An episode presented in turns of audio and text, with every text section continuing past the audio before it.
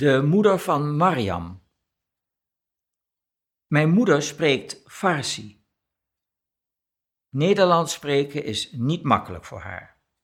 Voor mij ook niet. Daarom spreekt iemand anders de woorden van mijn moeder uit. Ik wil graag dat jullie haar verstaan.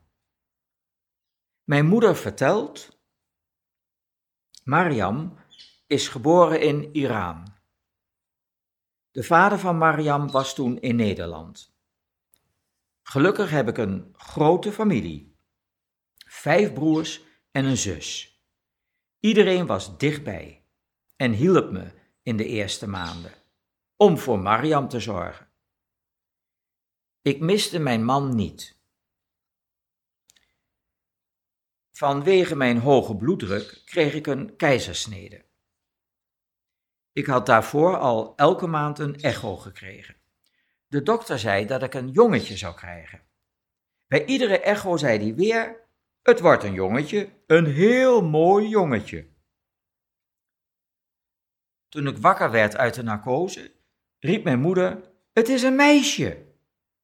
Dat was de eerste verrassing. Ik had alle kleding voor een jongen en de babykamer was blauw. Alles was blauw. Mariam was een half jaar toen ik met haar aankwam in Nederland. Mariam was een normaal meisje dat kon zitten en staan. Ze was blij als alle andere kinderen en ze kon al mama zeggen. We gingen wonen in IJsselmonde. We hadden veel ruzie en Mariam was er steeds bij. Mijn man houdt niet van kinderen en maakte geen contact met Mariam. Het was ook al slecht begonnen. We waren nog in Iran. Ik was zwanger geworden zonder het te weten. Ik slikte de pil en toch gebeurde het. De eerste drie maanden menstrueerde ik gewoon. Ik was wel soms misselijk. Mijn schoonzus zei: Jij bent zwanger. Ik heb toen een test gedaan en een echo gedaan. Mijn man wilde het niet. Het kind moest weg.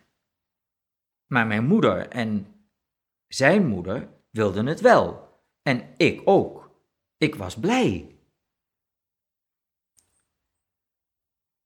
Mijn man bleef mij beschuldigen dat ik de pil niet zou hebben geslikt. We gingen naar de dokter om hem ervan te overtuigen dat het wel vaker voorkomt. Ik was al twee en een halve maand zwanger. In Iran is abortus verboden. De vader van Mariam vertrok toen naar Nederland. Hij werkt met vluchtelingen, helpt ze aan een tolk. Eigenlijk wilde die naar Canada, maar hij is hier gestrand. Voor mij was het heel verdrietig om naar hier te komen. Maar met het regime van Khomeini woonde ik toch liever in Nederland.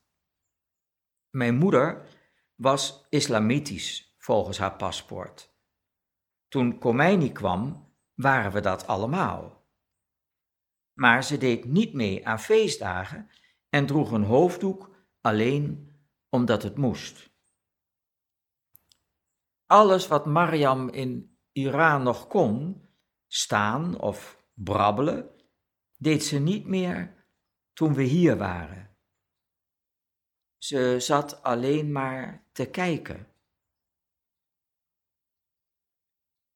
Toen ze naar school ging, kregen we een logopedist. Maar dat werkte niet.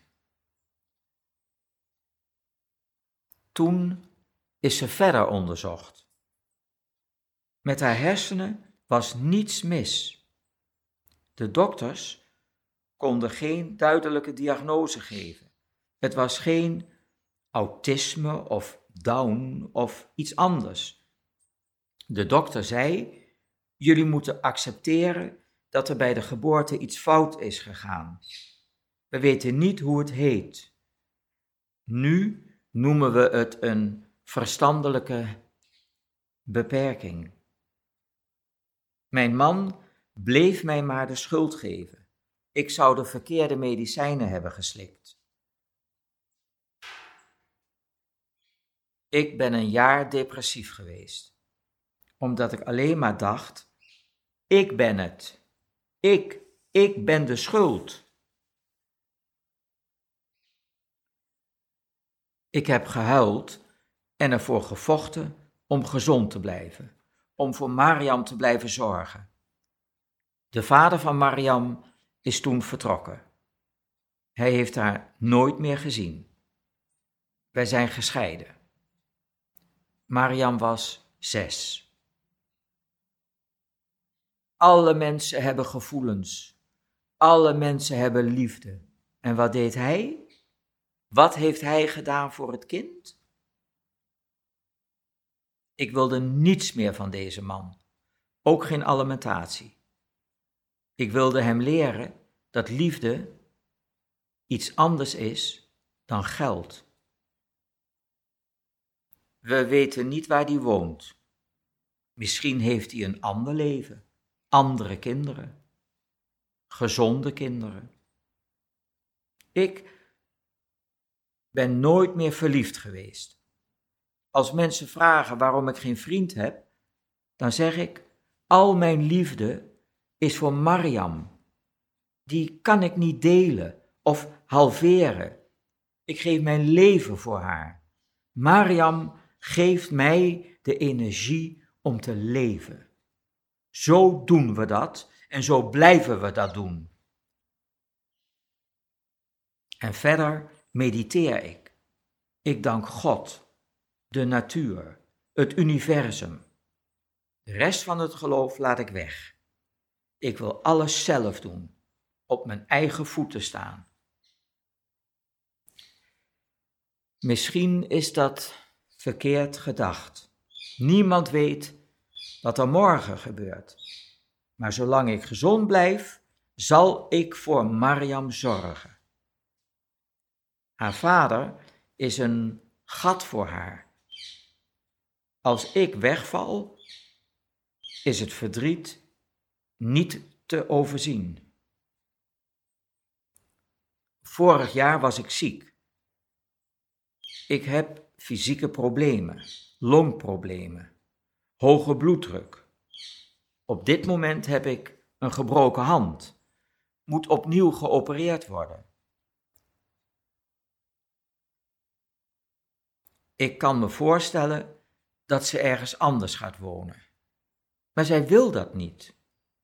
Zij moet daarop worden voorbereid.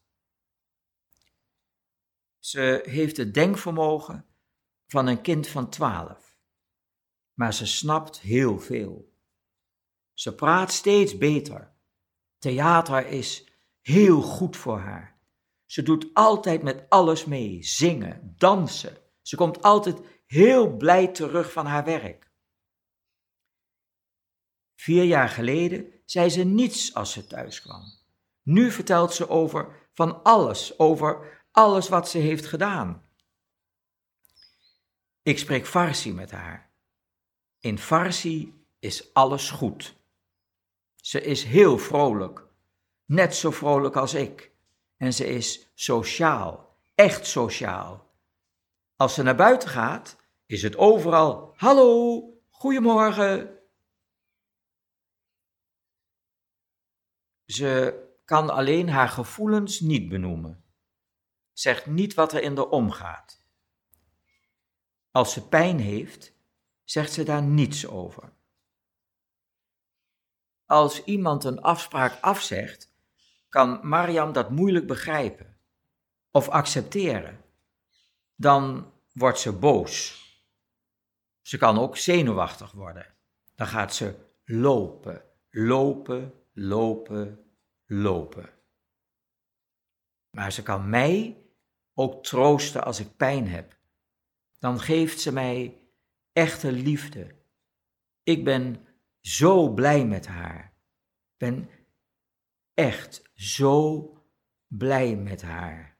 Zij is mijn liefde en mijn leven.